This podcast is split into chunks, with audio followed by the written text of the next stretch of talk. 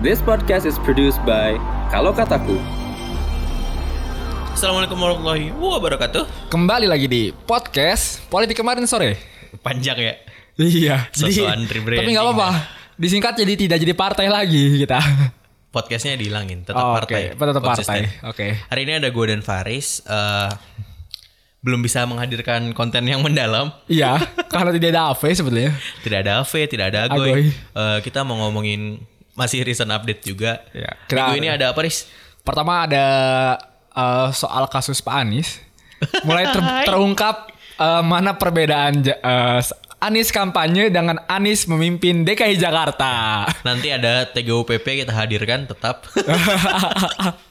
Selalu nyambung ya bahasnya itu gitu ya. Eh, terus gue mau ngomongin ini deh, Pak Tito. Ih. Tidak move on dari episode sebelumnya. Masih Iya. ada Pak Tito, Pak Titoan. Tapi memang dari sejak apa ya penunjukan memang ada apa ya entah kenapa kenapa gitu gue selalu hadir di kepala gue tuh kenapa gitu Iya. why Terus ada yang mau lo angkat lagi nggak? Soal eh, penunjukan 7 staf khusus dari 12 itu adalah seorang milenial staf khusus presiden Woho. Uh, katanya Pak Jokowi butuh teman nongkrong. yang kuat ngopinya sampai pagi, cuy. Iya. Nggak mungkin yang tua-tua nggak sanggup, kasihan. Yaudah, nanti penas yang buat yang penasaran, Pak Tito ngapain lagi sampai Iya. masuk lagi, terus menteri-menteri, eh menteri, Staf khusus presiden. staf khususnya siapa aja. Jangan ke mana-mana, dengerin episode. I spit it through the wire, man. Too much stuff on my heart right now, man. I gladly risk it all right now. It's a life or death situation, man. Y'all, y'all, y'all don't really understand how I feel right now, man. It's your boy Kanye Titter. Shot Town, what's going on? Uh huh, yeah, Yuk, dimulai yuk. Dibuka dari eh Bapak Anies. Bapak Rashid Anies. Baswedan. R. ABW, Baswedan. ABW. Abe, ya Pak Anies tanpa wakil. Ah, kenapa sih, Riz? Gusur-gusur apaan sih? Ya, jadi sebenarnya yang, yang lagi ngetren itu adalah soal eh, penggusuran di Sunter ya kalau nggak salah ya. Ya, sebentar. Dan eh, setelah adanya penggusuran ini nantinya Pemprov itu akan memindahkan warga di sana ke rusun Mar- eh, Marunda, Marunda. nggak salah kayak gitu. Memang yang jadi kontroversi adalah eh, lebih ke soal tadi adanya perbedaan sikap Anies eh, pada saat kampanye yang tercatat di media itu sampai sekitar kurang lebih lima di lima titik kampanye itu dia selalu menga- mengatakan bahwasanya kita tidak akan melakukan penggusuran tapi akan melakukan penataan kota. Penggeseran enggak juga? Penggeseran kan itu bahasanya Jokowi. gak boleh dipakai dong, gak boleh dipakai dong. Penggeseran malu dong beda rezim, eh beda rezim, beda golongan. Terus ini sih, jadi eh apalagi ada beberapa di Tirto khususnya ada salah satu warga gitu ya. Sampai bilang gini, saya dulu memperjuangkan Pak Anies tapi Iya. akhirnya saya yang digusur gitu Iya. setelah dua tahun memimpin kayak gitu. Jadi tapi ternyata setelah diulik ternyata se- sebetulnya selama tahun 2017 dan Iya. 2018 itu sebetulnya sudah ada 80 penggusuran di berbagai titik di Iya. DKI Jakarta. Benar. Dan yang lebih eh, mengagetkan itu adalah hampir setengahnya adalah gusuran paksa tanpa adanya musyawarah dengan eh, rakyat setempat kayak gitu. Jadi wow, Pak Anies kembali menggolkan janjinya apa maksudnya eh, janjinya tuh nggak jadinya ma- ditepatin iya ya. makin menambah jajaran pengingkaran janji sih kayak gitu yang sangat disorot termasuk ya D- DPRD eh sorry fraksi PDIP sih yang begitu men- me- apa menyerang dan mengingatkan mana nih katanya janji tidak menggusur tapi apa daya apa bedanya dengan gubernur sebelumnya? Kayak gitu. Tapi gue tahu bedanya apa. Apa? dulu yang menggusur Pak Ahok itu dengan keras. Dia ke- terkesannya keras dan kasar juga sih sebetulnya. Tapi yang ini bedanya lebih lemah lembut dan lebih sopan. Jadi terlihatnya tidak jahat gitu dan padahal ya akhirnya kan sama aja gitu. Warga harus pindah ke rusun eh, mendapati satu tempat tinggal yang Ya. tidak hanya secara fisik beda tapi secara budaya pun akan beda gitu Secara budaya beda. Terus jauh dari mata pencaharian mereka kan. Nah, iya yang dipersoalkan itu adalah eh tadi yang di Tirto itu adalah yang tadi yang bilang saya adalah pendukungnya Pak Anies itu adalah seorang pedagang asongan. Ya. Dan dia bingung ketika nanti dipindahkan eh, asongannya ini akan ditaruh mana karena dulu dia punya rumah dia bisa punya gudang sendiri dan sebagainya kayak gitu. Ya bakal ada perubahan ya kehidupan sih termasuk kan kerja itu kayak tiap hari ya rutinitas gitu akan sangat berbeda sih kayak gitu. Iya, iya. iya. Walau mau dengan apa pun ya, dengan ketegasan Pak BTP, mau Yes. dengan kata-kata Oh, BTP ya. Pak Anies, menurut gua nggak nggak bisa sih penggusuran itu diromantisasi gitu.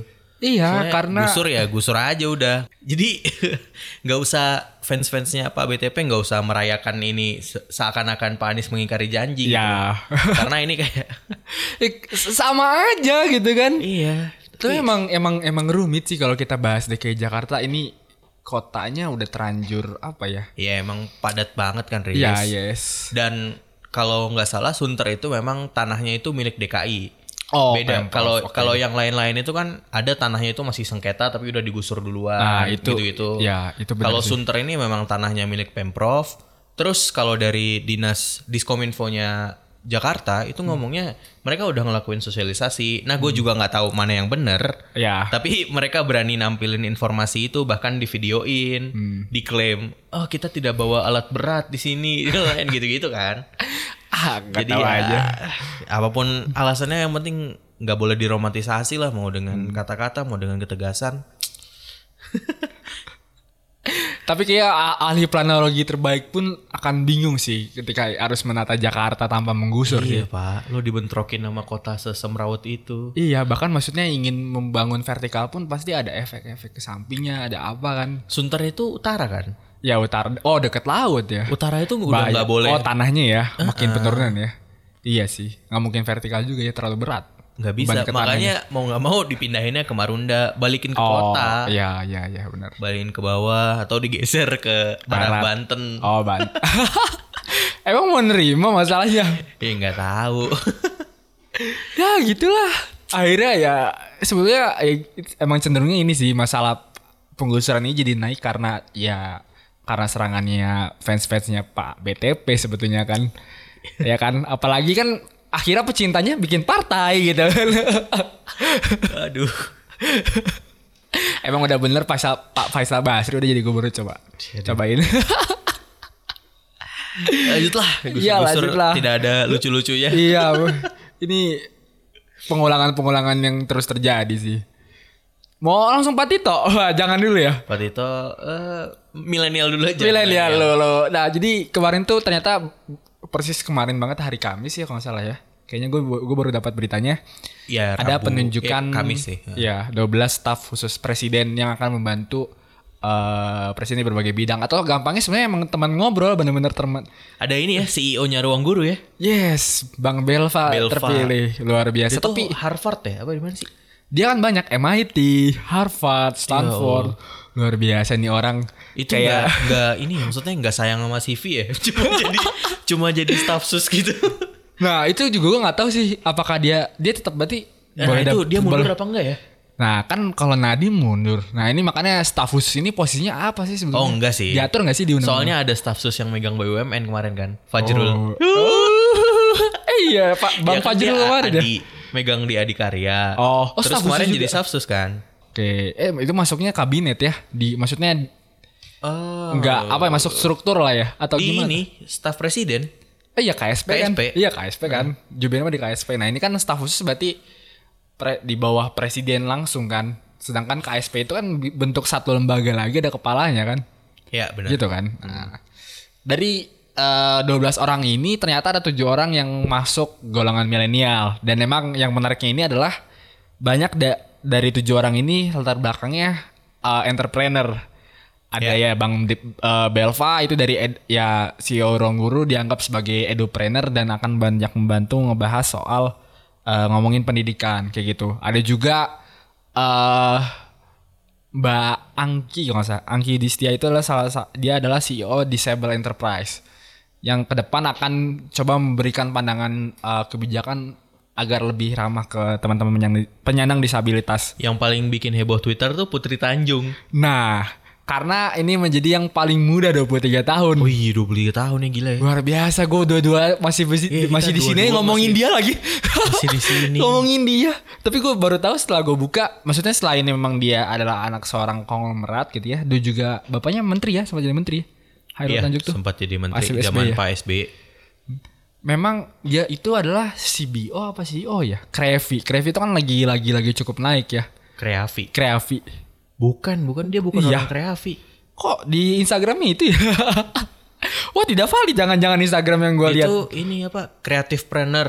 Oh yang kreatif, iya yang kreatif trainer itu. Iya, itu dari planner. Itu dia buat itu dari umur dia. 17 tahun gila, 6, udah 6 Iya, tahun. iya, iya. Luar biasa sih. Ah, ini maksudnya expertise dia tuh kan bidang bikin acara ya. Heeh. Pemer- Pak Jokowi butuh apa kira-kira? Gua rasa acara bagi-bagi sepedanya akan di, di, di branding cuy.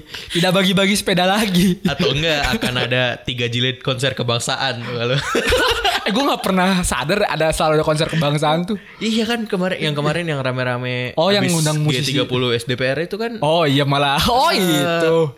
Bisa jadi sih. Kan ada udah udah ada Wisnu Utama cuy. Ntar lebih semegah Iya. si games konser kebangsaannya. Wisnu Tama, terus Angela Tanusudibyo, Wah, anjir. Putri Tanjung, gila. Luar biasa ini keluarga trans. itu terus eh beberapa nama lain nama-nama baru sih buat gua sendiri. Eh gua nggak nggak begitu memper, apa melihat. Iya. Akhirnya gue follow follow semua. oh ini ya coba gua liatin ya nanti di ke Tapi depan emang kalau dilihat dari nama-namanya juga, oh ini orang-orang yang gila sih pendidikannya. Ada Andi Taufan, Garuda Putra, itu CEO Amarta. Mikro. Oh, iya. Ya. itu, itu keren tuh iya. bidangnya. lulusan Harvard Kennedy School. Oh kayak siapa ya? Afu, Afu oh Tami. iya Afu. Terus iya dia UMKM dan entrepreneur sih. Hmm, maksudnya itu kan grassroots banget ya. Ya. Jarang-jarang ya orang Kennedy School turunnya ke grassroots Iya, UMKM gitu-gitu. Nggak tahu dia mungkin latar belakangnya memang dari Iya daerah sih. sih. daerah banget mungkin. Dan juga yang didirikan ya mikro fintech gitu jadi ya. Oh, perlu sih itu. Terus juga Mbak Ayu Kartika Dewi. Oh ini juga- CEO Iya. Sabang Merauke. Ini Sabang keren juga Merauke, sih. gerakan Ketika Sabang ada Merauke. pertukaran antar negara dia tetap bertahan di pertukaran antar daerah. Iya. Hanya untuk mengajarkan tentang toleransi. toleransi. Makanya ini sebenarnya nama-namanya bikin optimis kan. Iya. Nama-namanya itu aduh. Orang yang ya bisa dibilang struggle di bidangnya sih. Dia ma- masih bertahan sampai sekarang gitu. Iya.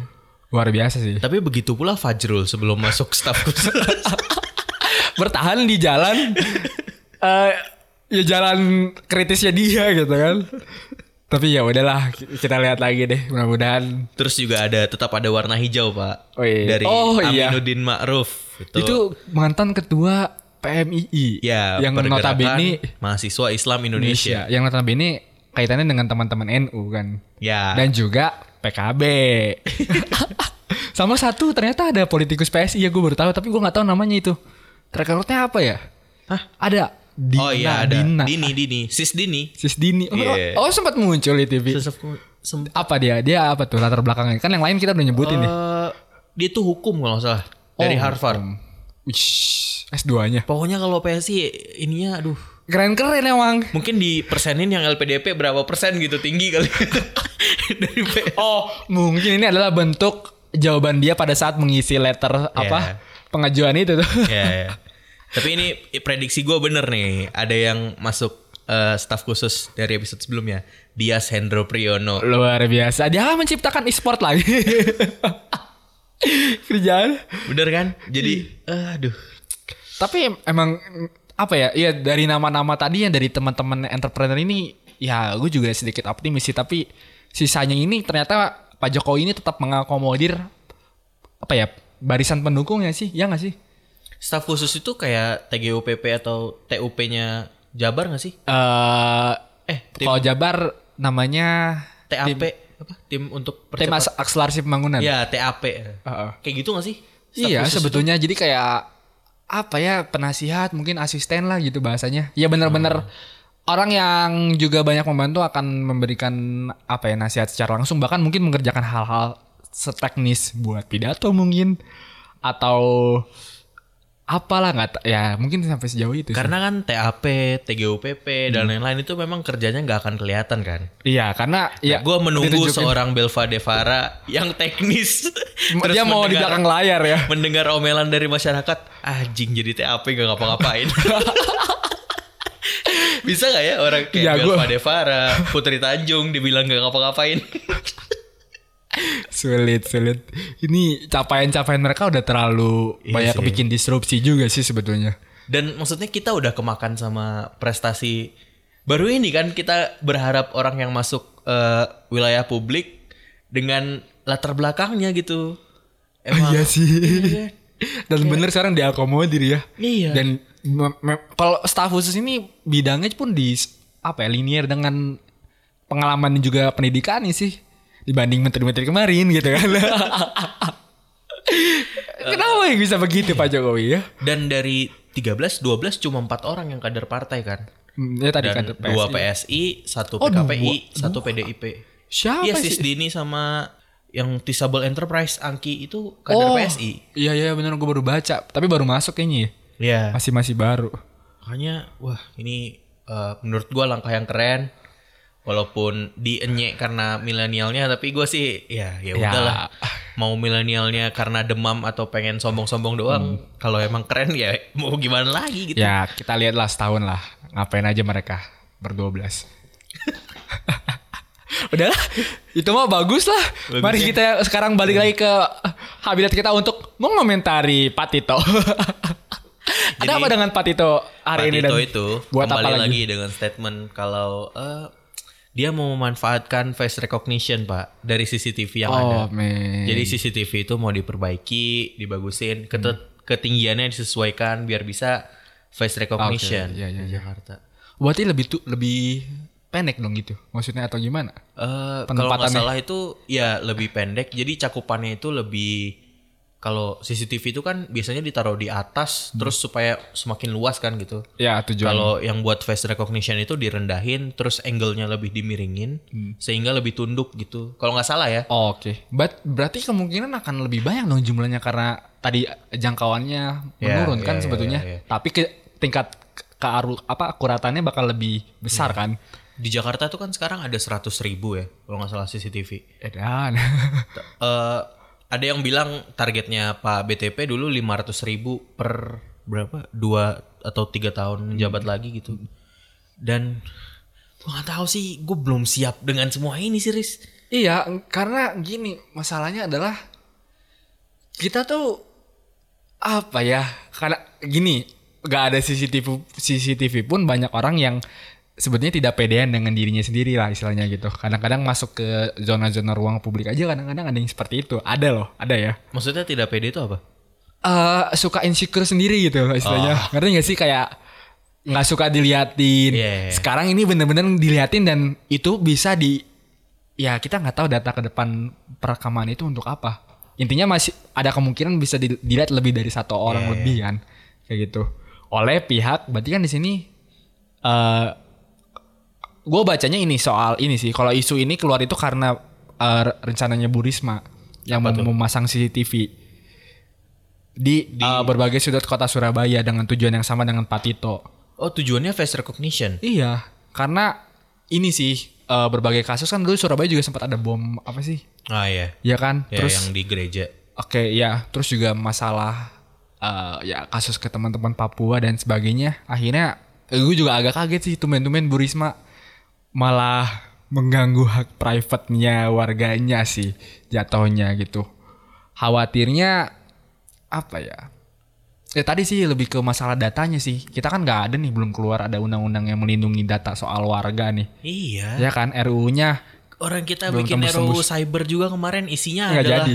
Eh badan super untuk BSSN gitu. Nggak ada tentang hak kepemilikan data, mana yang boleh dan oh. tidak boleh diambil itu nggak dibahas. ngatur kelembagaannya aja. Iya cuma Oh, ngatur bagaimana kelembagaan ini haknya apa gitu. Kepemilikan kita akan data nggak diatur, Hmm. Facebook nggak disinggung sama sekali. Wah, aduh. Udah mulai terang-terangan kayak jadi makanya ditaruh Pak Tito di depan gitu.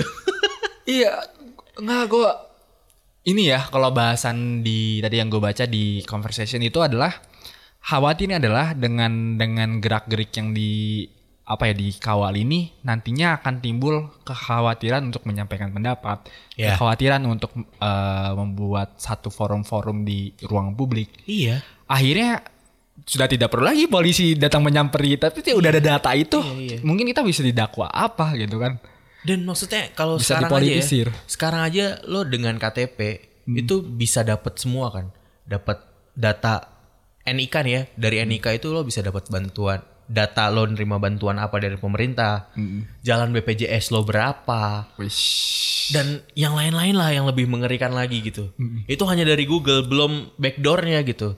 Nah bayangin kalau data lo itu udah sampai face recognition, terus nanti mungkin akan jadi pattern vote, voting pattern lo dan lain-lain. Ini udah mendekati Avengers Avengers. yang yang Winter Soldier.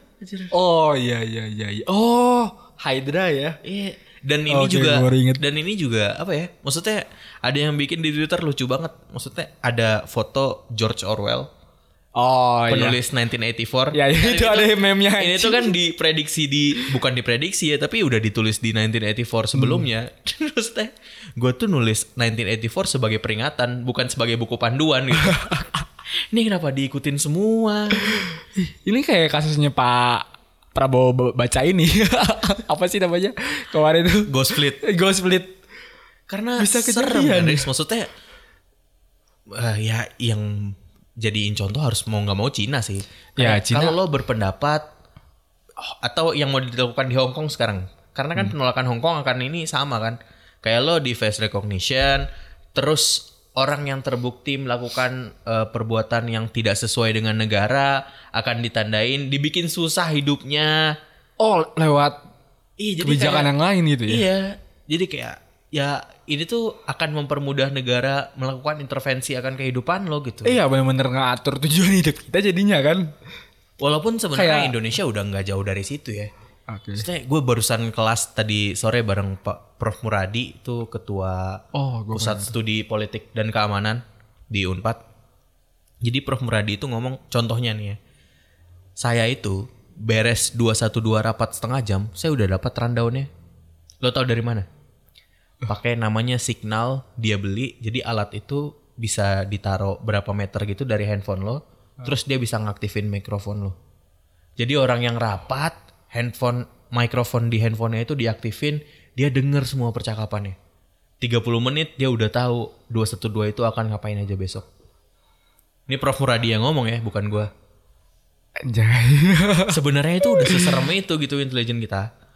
Tapi lo bayangin dengan face recognition apalagi yang bisa dilakuin sama mereka. Kalau yang terang-terangannya dibuka, Riz, apalagi yang ditutup-tutupin.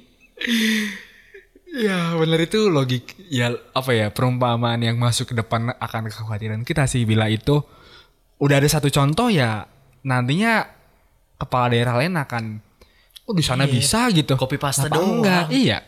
Masalahnya copy pastenya yang tidak tepat gitu. Kalau bagus gitu kan kayak dulu Bu Risma selalu diagung-agungkan karena dia yang memulai e-government kenapa Ya, sekarang jadi kebijakan yang nggak tepat yang Iya. nanti eh, dikhawatirkan bakal dicontoh gitu? Ampun, ini ini baru ini baru baru berapa bulan ya Pak Tito ngejabat ya. Kemarin sudah menolak kata desa fiktif. Bikin kebijakan pilkada tidak langsung itu, mengajukan. itu Prof Muradi eh, staf sus Polri Kapolri sih. Jadi emang deket sama Pak Tito. Tapi kok dia jujur? Eh, ini buat ini sebenarnya tapi karena podcast kita yang dengar nggak banyak banyak orang ya Ya. udah lah ya udah amat lah ya gue nggak akan dituntut Prof Muradi juga Aduh, kebayang gua. serem ya Iya, lemes sih. Aduh ya Allah, belum sukses, sudah diperhatiin hidupnya gitu kan. sudah sukses gak apa-apa duitnya banyak. Belum apa-apa, salah dikit. Malah makin turun hidup kita gak ada kemajuan. sebenarnya bener kata eh, Zen RS gitu kalau kita melaknat Cina karena diam-diam memonitori eh bukan diam-diam terang-terangan memonitori warganya ya kita sedang dibodoh-bodohi sama pemerintah kita kalau kata Bang Zen RS gitu eh Bang Zen RS tuh bilang sekarang Intel itu nggak usah jadi tukang bakso nggak usah nggak usah jadi tukang apa Iya. Intel itu tinggal jadi pakai ini aja jaket Gojek. Kita itu udah terbiasa dengan determinasi Gojek. Kalau lo ngelihat Gojek bolak-balik di depan lo 5 menit atau lo diem deh, nggak mungkin nggak ada Gojek lewat di depan lo 5 menit kan? Pasti ada Gojek bolak-balik mondar mandir. Lo bayangin kal yang di Medan kemarin teroris Ya. pakai jaket Gojek. Kita udah kalau omongannya Bang Zen kata-katanya adalah tidak ada seragam yang lebih mendominasi di sejarah peradaban dunia ini selain seragam Gojek. Iya dan itu di, di Indonesia gitu ya, salah satu negara terbesar. Jadi eh, ya kita bodoh. kalau kata Zenetes ya kita dibodoh-bodohi pemerintah kalau kita hanya melaknat Cina gitu. ya, Cina, Cina. tidak ada lucu-lucunya episode ini. Iya. Kita membahas kesuraman dan gue mau menambah satu kesuraman lagi sih soal Patito Karnavian ini. Apa tuh? Kita kan eh, ke depan akan menghadapi pilkada serentak yang kedua dan ini akan lebih besar tingkatannya dibanding 2000 eh 2019 kemarin. Pilkada serentak yang kedua tuh 2020. Eh, 2024. enggak, maksud gua gue mengkhawatirkan soal 2024. Nah, Iya. sebelum 2024 itu akan terjadi ke- eh, banyak kekosongan. Yang pertama itu adalah hasil pilka- pilkada serentak yang di tahun 2015. ya. Eh sorry 2017 heeh. itu akan tuntas di 2022. Iya. Contohnya adalah DKI Jakarta, Iya. Banten, kotanya gue nggak hafal tapi Sumatera Utara Sumatera Utara 2018. Bareng Jabar, dia bakal kos Iya. ada kekosongan eh, pimpinan selama satu tahun. Dan itu karena ada penyerentakan itu maka Ah, akan ada iya bener. PJ kepala daerah Iya benar. yang notabene adalah itu akan ditentukan oleh Kemendagri Mendagri. dan yang akan menjabat itu eselon 1 kalau nggak salah. Iya, ya, eselon 1 ya. Tapi kalau eselon satunya habis kan kemarin ditarik dari Polri. Ya. Kenapa Kasus. kenapa gue takut? Karena dulu Jabar pada saat peralihan eh, 2018 kemarin sebelum Hmm. Kang Emil naik itu diisi oleh Polri. Iya. Bapak Iriawan Bule gitu kan. Iya. Yang Oh, sekarang man. jadi PSSI ya. Ketua PSSI. Ini gue tapi juga khawatir kalau nggak ada orang mungkin dia yang ditunjuk gitu di salah satu daerah lagi. Mungkin di Jabar lagi Iya, dia. iya, iya. Dan dan itu ada sekitar 500 dan daerah kalau nggak salah. Oh iya. Ya anggaplah ratusan lah, 100 aja. 100 aja udah banyak gitu. Dari, dari, tingkat provinsi dan daerah. Kekhawatiran adalah nggak tahu apakah ada yang udah pernah ngaji belum ya kondisi ini gitu. Ketika secara nggak langsung daer- daerah itu akan di- eh, diatur oleh Kemendagri. Iya. Yang notabene Kemendagri ini kemungkinan akan mengikuti arahan partai koalisi pemerintah kan. Iya, benar. Sedangkan kan sekarang ini masih ada check and balance karena beberapa provinsi misalnya itu kan bukan pendukungnya partai koalisi gitu. Kayak DKI gitu kan. Atau Kaltim misalnya. Nah, apa yang akan terjadi dengan posisi Mendagri ini adalah Kapolri, ex Kapolri. itu ketakutan tambahan masa transisi sekitar 1 sampai 2 tahun sebelum Iya. pemilu serentak. Tapi DKI Jakarta itu meskipun udah ada undang-undangnya ya, Hmm. tapi itu belum tentu sih. Masih ada kemungkinan pilkada 2022. Masih ada kemungkinan. Oke. Selama 2024 itu belum di selama masih bisa Ya. ada revisi. Kita nggak tahu ya. Nggak tahu sih. Kan lu tahu DPR dipenuhi oleh bapak-bapak koalisi pemerintah. Iya sih. Itu akan lebih cepat untuk menentukan sah-sah-sahnya gitu kan. Ya itu aja keseroman keseroman kita seminggu ini ya. Iya. Semoga kita bisa kembali dengan tawa minggu depan. iya, ini recent update ini ternyata lebih berat ya. Tadinya gue mengharapkan tawa di milenial sih, tapi tidak membantu. iya. Terlalu bagus mereka. ya udahlah, eh, itu aja episode podcast kemarin sore minggu ini. Eh, terima kasih sudah mendengarkan. Jangan lupa follow kita di Eh, di Twitter at kalau underscore kataku dan di Instagram at kalau kataku. eh bye bye. See you. Kesuraman ini janganlah cepat berlalu.